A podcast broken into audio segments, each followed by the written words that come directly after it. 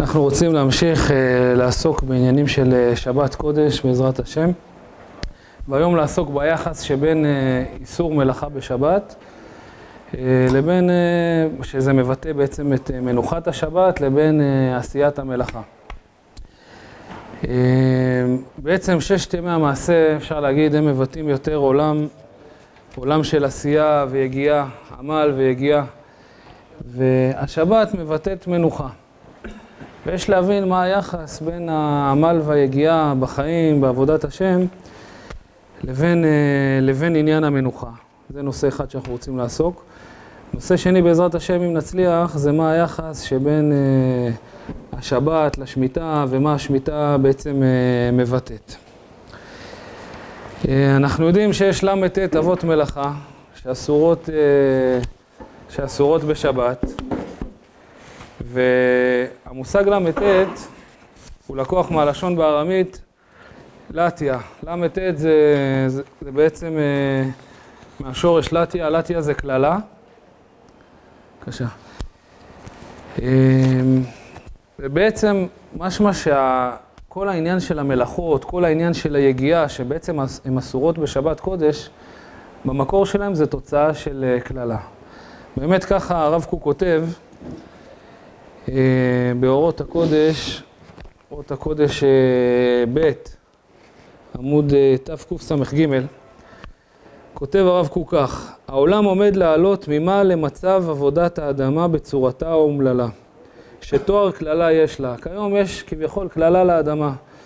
יש המון פעולות שצריך לעשות באדמה, לנקש את הזרעים, לסכל את האבנים, לחרוש, לזרוע, זו עבודה מאוד מאוד, מלאכה מאוד מאוד קשה. הזריעה וכל עמלה, הזריעה והניקוש שקדם לקצירה, כוללת תוצאות של נפילה הן מעקבות החטא, בזיעת אפיך תאכל לחם.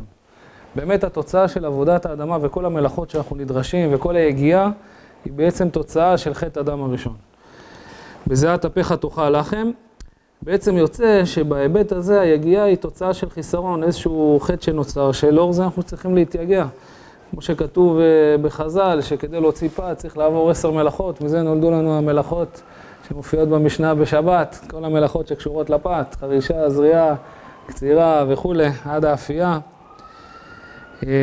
אז בעצם היגיעה במובן הזה זה תוצאה של איזשהו חיסרון. אבל כמובן שליגיעה יש מעלה, מעלה מאוד מאוד גדולה.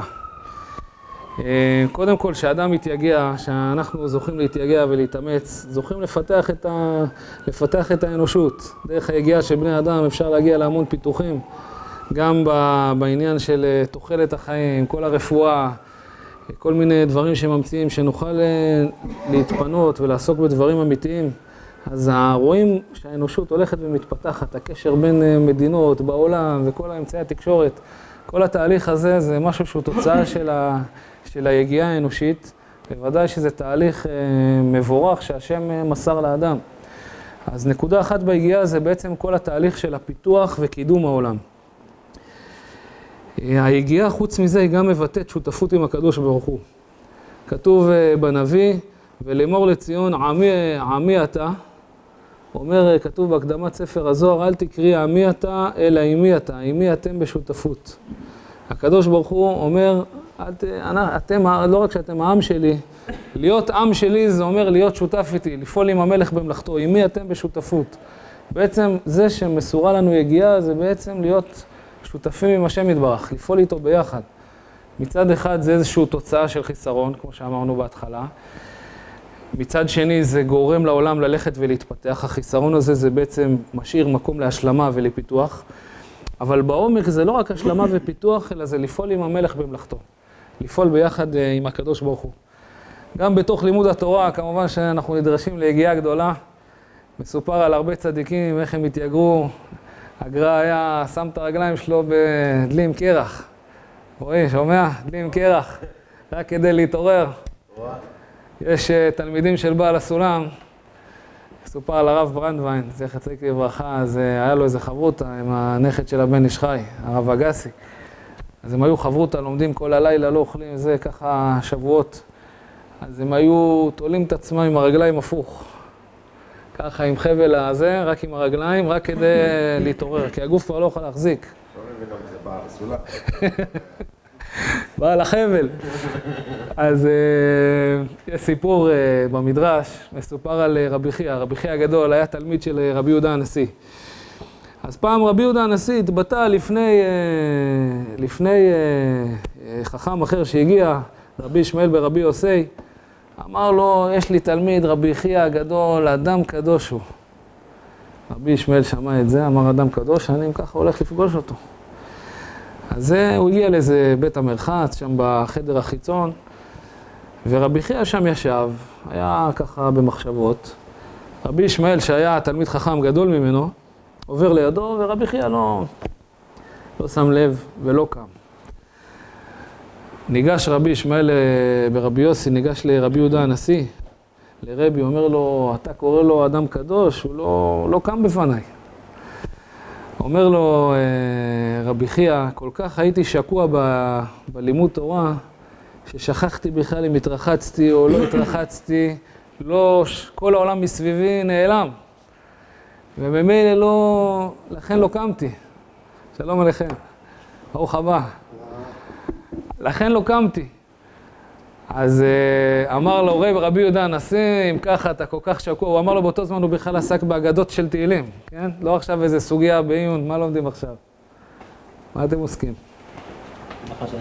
מלאכה צריכה גופה. לא עכשיו נכנס כל ההגדרות, מלאכה צריכה גופה. עסק באגדות של תהילים, שכח את כל העולם כולו.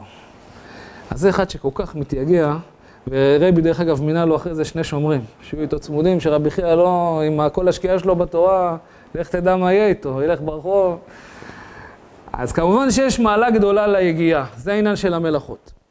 אבל אנחנו רוצים טיפה להתבונן בעניין של, ה, של, ה, של המנוחה, ואולי לפני כן נגיד גם שיש נזק ביגיעה. כשאדם, יש כמה נזקים שעלולים אה, לקרות אם אדם רק מתעסק, מתעסק ביגיעה ובעמל שלו. דבר אחד, אדם יכול לחשוב שהכל בעצם אה, קשור אליו. אני מתייגע, בואנה, פתחתי פה איזה ווייז, אתה יודע מה זה ווייז? מיליון, מיליוני, לא יודע כמה אנשים יש בעולם, משתמשים בזה, זה... פרסתי את הדרכים, ופרסו השמלה. הכל, אה, מה זה, זה נותן אה, הרבה גאווה, זה יכול להביא את האדם לגאווה. אז זה הגיע עם כל המעלות שלה, אולי להביא את האדם לגאווה. וגם לשכחת השם, ברגע שהוא חושב ש, שרק הוא פועל. אבל הרב קוק נותן עוד, אה, עוד איזה סייג מהיגיעה, סייג עמוק, שבעצם אם אדם מתעסק כל הזמן ב, רק במאמץ, יכול להיות שהוא מאבד את הנקודה הפנימית, הוא מטשטש את הרצון שלו. אני אתן רגע דוגמה לזה. למשל, אה, רופא. אחד, לפני שהוא למד רפואה, הוא אמר, אני הולך ללמוד רפואה. השם נתן לי כישורים, חוכמה ולא יודע, איזה פרקטיקה כזאת מעשית. אני רוצה לעזור לבני אדם. יש לי את הכישורים לזה, אני רוצה לעזור לבני אדם. מגיע איזה, הוא עבר את הזה, כבר אה, ראש מחלקה, כבר אה, כמה שנים בבית חולים וזה, על פיו יישק דבר, מגיע איזה פציינט ככה בלי זה, רק, אני לא צריך לראות אותו, רק תראה לי את הזה, בסדר, זה הפתרון הוא כך. הבן אדם בשלב הזה הוא כל כך עסוק במעשים, בפעולות, בתולדות של מה שנוצר לו מהיגיעה שלו, שהוא איבד את, ה... את אותו רצון מקורי שהיה לו לפני כן. אותו הרצון לעזור לבני אדם, להתייחס אליהם. חלק מהרפואה כמובן זה ההתקשרות עם האנשים, לראות איפה... ה... זה דברים שגם כתובים להלכה, כן, יולדת, לפי מה שהיא מרגישה, ככה, ככה נותנים לה. אז הוא איבד את ה... היגיעה החיצונית לפעמים מאבדת את נקודת השליחות, הרצון, את הנקודה הפנימית. תסתכלו אצלכם, אז כך אומר הרב, קוק פה באורות הקודש ג', אמ, עמוד ע"ה, אז הוא אומר, הרצון יסוד החיים הוא, תדע לך, הנקודה, אתה שומע אווי? הנקודה הכי חזקה באדם זה הרצון שלו. עם הרצון אפשר להגיע למחוזות אה, עצומים. יש כל מיני סיפורים, אנשים בשואה, אפרופו, אנחנו לקראת חנוכה, מסופר לאנשים ששמרו איזה, אה, כמו מרגרינות או כל מיני, או פתילות כאלה בתוך הבית צ'כי שלהם בלי לזוז תקופות אה, ארוכות, רק כדי שהם יוכלו להדליק נר חנוכה. כן, אם בכוח רצון אפשר להגיע, גם שמעתי על איזה סיפור מהרב שיינברגר, אפרופו ניצולי שואה, על איזשהו יהודי אחד, שהיה אה, מאוד מאוד דומה לאותו גרמני שהיה אחראי שם למחנה. ואיכשהו נתנו לו איזה, איזה שהם הקלות, אני לא יודע, אני עכשיו אולי לא מדייק בסיפור, ויום אחד כזה פחות חשדו בו בגלל המראה שלו, והגיע אותו... נתנו, אה, אולי זהו, הפוך. בגלל שהוא היה כל כך זה, נתנו לו עבודות קשות. הוא היה צריך לסחוב אה, דברים לא יאומנים, איזה סלעים במשקלים עצומים. וככה הוא קורס תחת מסעו. הגיע מפקד המחנה, הגיע ככה לעשות מזה, ללגלג ולצחוק עליו. בשארית כוחותיו הוא לקח את הסלע הענק הזה והרג אותו. כן, משקלים עצומים רק כדי... קיצור, בכוח של הרצון אפשר להגיע למקומות, כן, לא צריך דוגמאות רק כאלה, קשות, אבל בכוח של הרצון, אדם יש לו רצון לחיות, רצון, אפשר להגיע לדברים עצומים. אז לכן אומר הרב קוק, הרצון יסוד החיים הוא. הוא מוכרח להיות פועם בחיים. בעצם הלב של האדם, הלב הרוחני, זה בעצם הרצון שלו.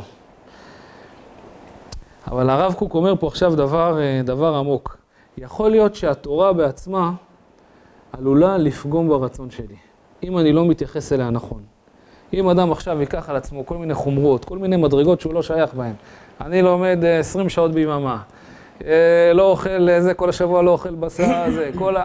ואדם לא שייך בעבודות האלה, יכול להיות שיש שלב שזה שייך, אבל יש שלב שזה לא שייך, לרובה דה עלמא, אז כשהוא מכניס דברים לא שייכים, זה עלול לפגוע, לכבות את הרצון שלו, כי פתאום נעשה עליו הכל מעמסה, התורה נעשית מעמסה, עול, הכל נעשה לו עול, עד שכבר הרצון שלו נכבה, הולך לאיבוד. אז גם בתוך עבודת הקודש צריך לכוון שכל הזמן היגיעה הזאת, היא לא, לא תכבה חס ושלום את, ה, את הרצון. לכן היגיעה עם כל המעלות שלה, שזה אמרנו קשור לכל העניין של ששת ימי המעשה והעבודה ולפתח את העולם, כל המלאכות, יש חשש שהיא תפגע ברצון. בהקשר הזה שבת, שבת זה רבא דרעבין, זה ה... להחיות את הרצון. שבת זה עוד פעם לגלות את הרצון הפנימי, לשבות מכל מלאכה, מכל היגיעה ומכל הנזק שהיגיעה עלולה להביא, אפילו בתוך עבודת השם, ורק להאיר את הרצון, יותר ויותר. אמ, אז זה מה שהוא כותב כאן, הרב קוק, הוא אומר כך, המוסר, התורה, כל אור קדוש ועליון, צריך הוא לפעול עליו לישירו. התורה נקראת מלשון הוראה, היא באה להורות לנו את הדרך, איך לפעול, איך, איך להתנהג נכון. אז היא צריכה להיות מחוברת אל הרצון שלנו, התורה צריכה לפעול עלינו. כן, הרב קוק פה באורות הקודש, הפסקה הראשונה שלו נקראת חוכמת הקודש הפועלת. התורה יש לה סגולה לפעול על הנשמות שלנו, לתקן אותנו, לחיות אותנו. אבל איך היא צריכה לפעול? באופן כזה שהיא מיישרת את הרצון. היא כאילו אומרת, שלמה, יש לך פה איזה שביל, אה, יש טבח שמות, אתה יכול ללכת לטייל, פרחים, עצים. הכל בשמחה ו- וישר וטוב. אבל היא לא, חס שלום, מכבה את הרצון, אין לך כוח ללכת בשביל. לכן התורה מכוונת לרצון, אבל רק במובן של ליישר אותו, אבל לא לטשטש את כוחו. בסדר? אז עד כאן דיברנו על העניין של היגיעה. אבל נעבור רגע ל... אז איך אני בעצם מתייגע בצורה כזאת שאין מזה, מזה נזקים? איך אני מפתח, מחדש, בצורה שהנפש שמחה ו... וישרה עם, ה... עם הדבר הזה? אז לזה הרב קוק מתייחס באורות הקודש א', עמוד אה, קס"ח. פסקה פה נקראת הנשמה היוצרת. למדנו פה כמה חבורה של אה, אומנים, בעלי אולפן ומוזיקה, ועוד אה, אומנים למיניהם, אוניות לחימה. שאני חושב באמת שהפסקה הזאת מאוד קשורה לבעלי נפש אומנות ומאוד מאוד, מאוד מתאימה לישיבת אש קודש ונאורה בכלל. אנשים עם נפש עדינה ונפש יוצרת, היא נקראת הנשמה היוצרת. ופה אה, הרב קוק בעצם אומר שצריך קודם כל לתת לנשמה ליצור. אדם שיש לו כוחות של, אה, של יצירה, הנה יש פה חבר שלנו, מעביר שיעור בקבוצה אה, דוברי גרמנית, אדם יש לו כוחות ויש לו יכולת לפעול בהמון מרחבים בעולם. אז הוא צריך לקחת את הכוחות האלה ולא לחסום אותם, דבר ראשון. דבר שאי אפשר הוא להפסיק את היצירה ממי שנשמתו יוצרת תמיד בטבעה. יצירה זה דבר שאסור לעצור אותו, תן לזה להתפתח, תן לנשמה לפעול.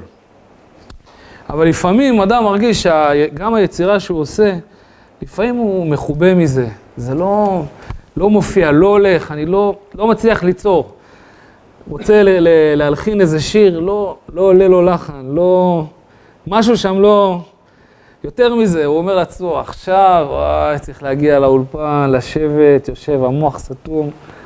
שום דבר לא מאיר, יש לו איזו עייפות כזאת. איפה הנקודת תמונה? איפה החיסרון? אומר הרב קוק, החיסרון זה ביחס שלך ליצירה. אם אתה תופס שהיצירה זה איזה עמל כזה, משהו מבחוץ, שאתה צריך להתאמץ ולעמול, פה אתה טועה. אם אתה מבין שהיצירה זה איזה משהו שמימי כזה, שהוא גם מאוד מאוד פנימי, מציאותי, בתוך הנשמה שלך, ואתה רק צריך לתת לזה לצאת החוצה, אז הנפש שלך מתרחבת, אתה מתחיל אה, לפתח ולחדש. הוא אומר כך, בכל עת שהלאות הרוחנית מעיקה, אדם יש לו איזו עייפות מבחינה רוחנית. אין זו באה כי מפני שחושב היוצר שהיצירה עמל, עמל היא. חושב שהיצירה זה, זה עמל, זה עול עליו. אבל באמת זה לא ככה. באמת, אתם יודעים מה זה ליצור? מה זה לפעול נכון, להתייגע נכון? באמת, זה להתייגע באופן כזה שאני לא, שאני לא חש כל יגיעה. אני מתאמץ, אבל הכל בשמחה, הכל בנחת, בשלמות כזאת. כל מה שמעמיקים יותר בסודה, בסודה של היצירה, באים לידי הכרה שאין בה שום עמל ויגיעה. אם אדם זוכה לעבוד נכון, זה לא אומר לו להתאמץ, כל החיים מלאי, מלאי מאמץ, בכל תחום שלא נלך, כמו שאומר הרמח"ל בהקדמה במסילת ישרים, פרק א', כל החיים זה מלחמה, מלחמה מכל הצדדים. אבל אתה יכול להיות בצורה כזאת של מלחמה, בצורה מנוח, של מנוחה. כמו שהרב יובל אומר בשם שם האדמו"ר הזקן, ברור דרך מנוחה. אפשר להיות בצורה כזאת, שאתה מתעסק עם העולם, נפגש עם העולם, בצורה של מנוחה. איך כתוב על יעקב אבינו, ויפגע במקום, במקום וילן שם. אז הזכרנו שם רבי ישראל מרושין, ויפגע במקום, פגע במקום ברוך הוא. כל, כל מקום שהיה פונה, היה פוגש את השם יתברך. אפשר להגיד, וילן שם, כי הכל אצלו היה בחינה של מנוחה. אה, פוגש. מה שאני פוגש, וילן, הכל בנחת, הולך לישון, הכל מצוין. וכך הרב קוק פה כותב, שגם הקדוש ברוך הוא ברא את העולם באופן הזה. אפשר הרי היה לחלק, להגיד שיש טבע המעשה, שהקדוש ברוך הוא ברא את העולם, זה עמל והגיעה של השם ידבח, הקדוש ברוך הוא מתאמץ, פועל, את ה... בורא את העולם, אתה יודע מה זה לברוא עולם? עם כל ה... כן, שהכל יהיה מסודר, כל האורגניזם, וה...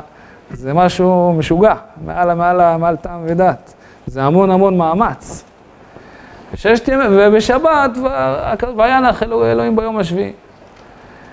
אפשר היה לצייר את זה ככה, אבל הרב קוק מביא, ואני ראי, לא מצאתי את המקור לזה, ראיתי משהו מבין בשם אה, איזה פיוט בהקדמות, שהקדוש ברוך הוא ברא את העולם בלא תשישותא, ובאת תקלילא דלת בממשותא. הקדוש ברוך הוא ברא את העולם בנחת, בקלילות, גם הששת ימי המעשה, ששת ימי הבריאה, זה דבר עמוק, הם היו בצורה של שבת קודש. אפילו שעוד לא הופיע שבת. ששת ימי, הקדוש הוא ברא את העולם בלי יגיעה. ממילא אנחנו צריכים להידמות לקדוש ברוך הוא בעניין הזה שכל כל היצירות, כל מה שאנחנו רוצים לפעול ולהתייגע, זה הכל בקלילות, בשמחה, כן? דרך אגב, יש דבר עמוק ששמעתי מהרב שיינברגר, שכתוב שאנחנו רגילים, הרי ששת ימי המעשה, ואחרי זה יש שבת. הפשט קודם כל, למה ימי המעשה ואחרי זה שבת? תתאמץ, מי שטרח בערב שבת יאכל בשבת. העולם הזה זה עולם היגיעה, צריך להתאמץ, גם אם אני לא בקלילות הזאת, כן? ודאי אם אסור לנו להתאמץ. בעתיד נזכה להגיע לבחינת שבת. אבל יש דבר עמוק, שיש שבת שקודמת לששת ימי המעשה. יש שבת נעלמת שלא מופיעה בתורה הקדושה, שהיא מופיעה בספרים הפנימיים.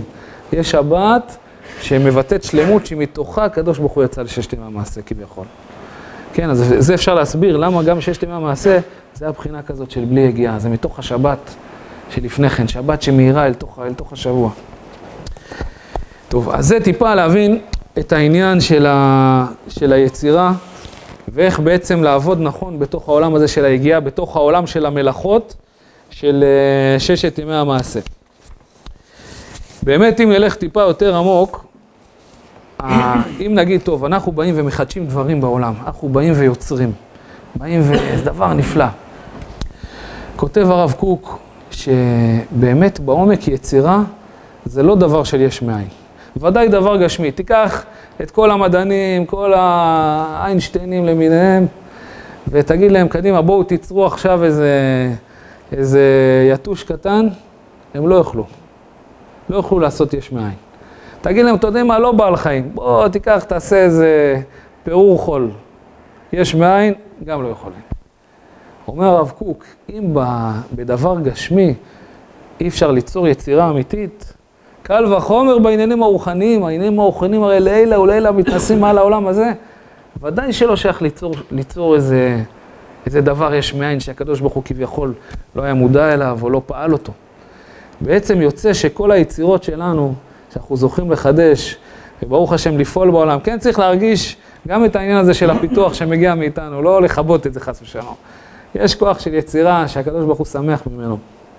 אבל יש איזו נקודה עמוקה שהיצירה בעצם, קורא לזה הרב קוק, היא מעין הפניית עין לדבר שכבר קיים. יצירה זה בעצם פשוט שנייה לעצור, להתבונן, וואו, נפל לי איזה משהו, וואו, אני מלחין איזה שיר, וואו, אני מפתח איזה זה, איזה חידוש בתורה. זה בעצם הפניית עין לדבר שהוא, הקדוש ברוך הוא שתל אותו. יכול להיות שמצד בני העולם זה לא היה קיים, וזו יצירה כלפי העולם, כלפי האנושות, אבל השם יתברך שתל את זה. הוא מביא פה על הפסוק, דבר חזק, יגיעת התבונה אינה כי אם שקידה הדלתות שיפתחו. אשרי אדם, ככה כתוב במשלי, אשרי אדם שומע לי לשקוד על דלתותיי יום יום, כן, לשקוד על הדלתות, לחכות שהדלת תיפתח, ואז מה קורה? כי מוציא מצא חיים ויפק רצון מהשם. יצירה זה בעצם המתנה. להמתין שהדלתות ייפתחו. כן, דבר עמוק. אבל זה מביא אותנו עכשיו לשבת. מה קורה בשבת? שבת מנוחה. שבת בעצם זה עניין של המתנה. כותב רבי נחמן בליקוטי מוהר"ן, תורה ו', תורה שעוסקת בתשובה, הוא אומר שהמידה העליונה ביותר במידות האלוהיות, שהיא נקראת מידת הכתר, הנקודה שלה זה המתנה. היית אומר, המידה הכי גבוהה בהתגלויות של השם יתברך, תגיד איזה פעולה בשיא הכוח, איזה... להמתין. הוא מביא את הגמרא ביומא, גמרא ביומא ל"ח, כתוב, הבא ליטול אפרסמון, כתוב, אה, הבא ליטהר מסיים בידו. והגמרא מביאה משל, משל לאחד שבא ליטול אפרסמון, אומרים לו המתן. אחד רוצה להיטהר, מסיים בידו, מה היית אומר, שלמה? אחד רוצה להיטהר, איך היית מצייר את המסיים בידו? קדימה, תן יד, תן פוש בעלייה, דוחפים, מה זה, מסיים בידו. אמרו לו, חביבי, תמתין. הכתר זה הנקודה של ההמתנה. מה יש בה? למה זה סיוע? או, זה סיוע, למה זה סיוע? כי מה יש בהמתנה? ההמתנה אפשר להבין שזה חידלון של חיים כזה.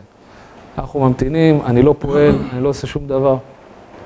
באמת בהמתנה גנוז המון דברים עמוקים ונפלאים. ההמתנה היא מבטאת אה, ציפייה והשתוקקות. המתנה זה בעצם, הייתי אומר, הפעילות עד הסוף של הלב. במעשה יכול להיות אה, הפסקה מסוימת. אבל בלב בוער להשם יתברך. לב בוער, כל הזמן אני מצפה למשהו, מצפה לגאולת ישראל, מצפים, מצפים לישועה, מצפים לבית המקדש, בעזרת השם, ייבנה במהרה בימינו. זה בעצם לב בוער, בחוץ זה נראה כאילו לא עושים כלום, אבל בפנים, בפנים זה מחכה. כמובן שצריך לשלב מעשים גם, ב, גם בהקשר, בשלבים הנכונים, בהקשר של בניית בית המקדש. זה לא אומר לא לעשות, אבל זה אומר שהלב ממתין. עוד נקודה שיש בה המתנה, שבעצם המתנה אומרת, היא לוקחת את כל מה שקיים באדם, והיא אומרת, לא, זה הקדוש ברוך הוא זה שפועל פה. אני ממתין לזה שהקדוש ברוך הוא יפעל. זה לא אצלי. אני קודם כל, כל מחכה, מלא בעירה, מצד שני, בסוף מי שפועל זה, זה הקדוש ברוך הוא. זה בעצם לקשר את הכל אליו. יש עוד uh, פסקה יפה שהרב קוק כותב, מובא גם בשם הבעל שם טוב, שהבעל שם טוב, אתם יודעים, הוא כמעט ולא כתב uh, שום דבר. אתם מכירים איזה ספר, ספר מהבעל שם טוב? בעל שם טוב לא, לא כתב בעצמו, כתבו רק התלמידים. שלבי הסולם. כתבו רק התלמידים שלו, אבל יש איגרות שהבעל שם טוב כתב לגיסו, רבי גרשון מקיטובר, ו... אז שם הוא כותב שלפעמים זה טוב שאדם יפסיק גם בתוך עיסוקו בתורה. יפסיק כדי להתבונן. ולא יחשוב שזה ביטול תורה, יפסיק כדי להתבונן. והרב קוק, כשהוא מתייחס לזה, באמת, הוא אומר, יש מצבים כאלה, זה דבר נפלא ועמוק, שהנשמה עולה מאליה. זאת אומרת, יכול להיות שאדם עובד, עובד, עובד, עובד, ומתאמץ, מתאמץ על, על, על איזשהו עניין. ואחרי זה הוא חודש עזב את העניין הזה, שחרר, כן? פתאום נופלת לו איזו תובנה, וואו, כאילו הוא מרגיש, פתאום הוא זכה איזה משהו. אחרי חודש, הוא לא עושה כלום. הוא כבר שחרר את זה לפני איזה חצי שנה, את הסיפור הזה. פתאום נופל לו איזה משהו. אומר הרב קוק, אתה יודע מה זה? זה מצב כזה שהנשמה עולה מאליה. זה לא שזה לא קשור לעמל, זה קשור מאוד מאוד לעמל. אדם יכול לעמול, להתאמץ בעבודת השם ולא לראות ברכה באותו שלב. אבל יכול להיות איזשהו זמן אחר כך, שפתאום יש ברכה כזאת, והנשמה כזאת עולה מאליה. נקרא רק את הלשון שלו, וזה אולי נסיים. לא נחבר את הדברים לשמיטה אולי בפעם אחרת. אומר כך, זה בקבצים, קובץ א', אות ש"ל. לפעמים הנשמה עולה בעצמה, בעלותיה, בלא שום עבודה מוחשית. כן, הנשמה עולה מאליה, השלבת עולה מאליה, חנוכה. להדליק את המנורה לא על ידי דבר אחר, עד שהשלבת תהיה מאליה. אתה נותן הדלקה קטנה, טאק, מאיר מאליו. אבל למה זה? זה לא שזה לא קשור לעמל, זה קשור מאוד, אבל השלב שזה פועל זה בלי העמל, כי זה קשור לשבת הזאת, למנוחה, לחכות בעומק שלה, להמתנה. והכל בא מפני שקדמו לזה עבודות רבות, שכליות ורגשיות ופעוליות. עבודה בכל הרבדים, בשכל, ברגשות, במעשים, באור תורה ודת. ואחר כך הנשמה מתענגת על גורלה הטוב. אולי זה מה שכתוב במסילת ישרים, שתכלית האדם, פרק א', זה להתענג על השם. לא כתוב שזה לעמול. כמובן, האדם הזה, העולם הזה הוא נברא עבור העמל, ויש מה לעמול ולהתאמץ. אנחנו לא באים לא- להגיד לא לעבוד. אבל באמת הנקודה הפנימית העמוקה, צדיקים יושבים ועטרותיהם בראש- בראשיהם ונהנים מזיו השכינה. הנקודה זה להתענג, להתענג על השם, זה נקרא להיות בצורה של יצירה, אבל בלי עמל ויגיעה. אז רק אם נסכם, יוצא שששת ימי המעשה זה בעצם עמל ויגיעה, ויש בזה כל מיני חסרונות שעלולים להופיע, טשטוש הרצון, לחשוב שהכל ממני, לכן אומרים לך בשבת, תעצור, אבל באמת בעומק יש מצב כזה של עמל ויגיעה, של נקרא לזה חיצוניים, אבל שבנפש זה הכל בשמחה, הכל בנחת. ככה הקדוש ברוך הוא ברא את העולם, ובזה אנחנו צריכים להידמות לו, ובזה מה שמאיר לנו בשבת, זה אור השמיטה, אור השבת, שמאיר עלינו לשבות ולפעול בהנאה ובנחת, אס יתענג על השם, בעזרת השם, חזק וברוך.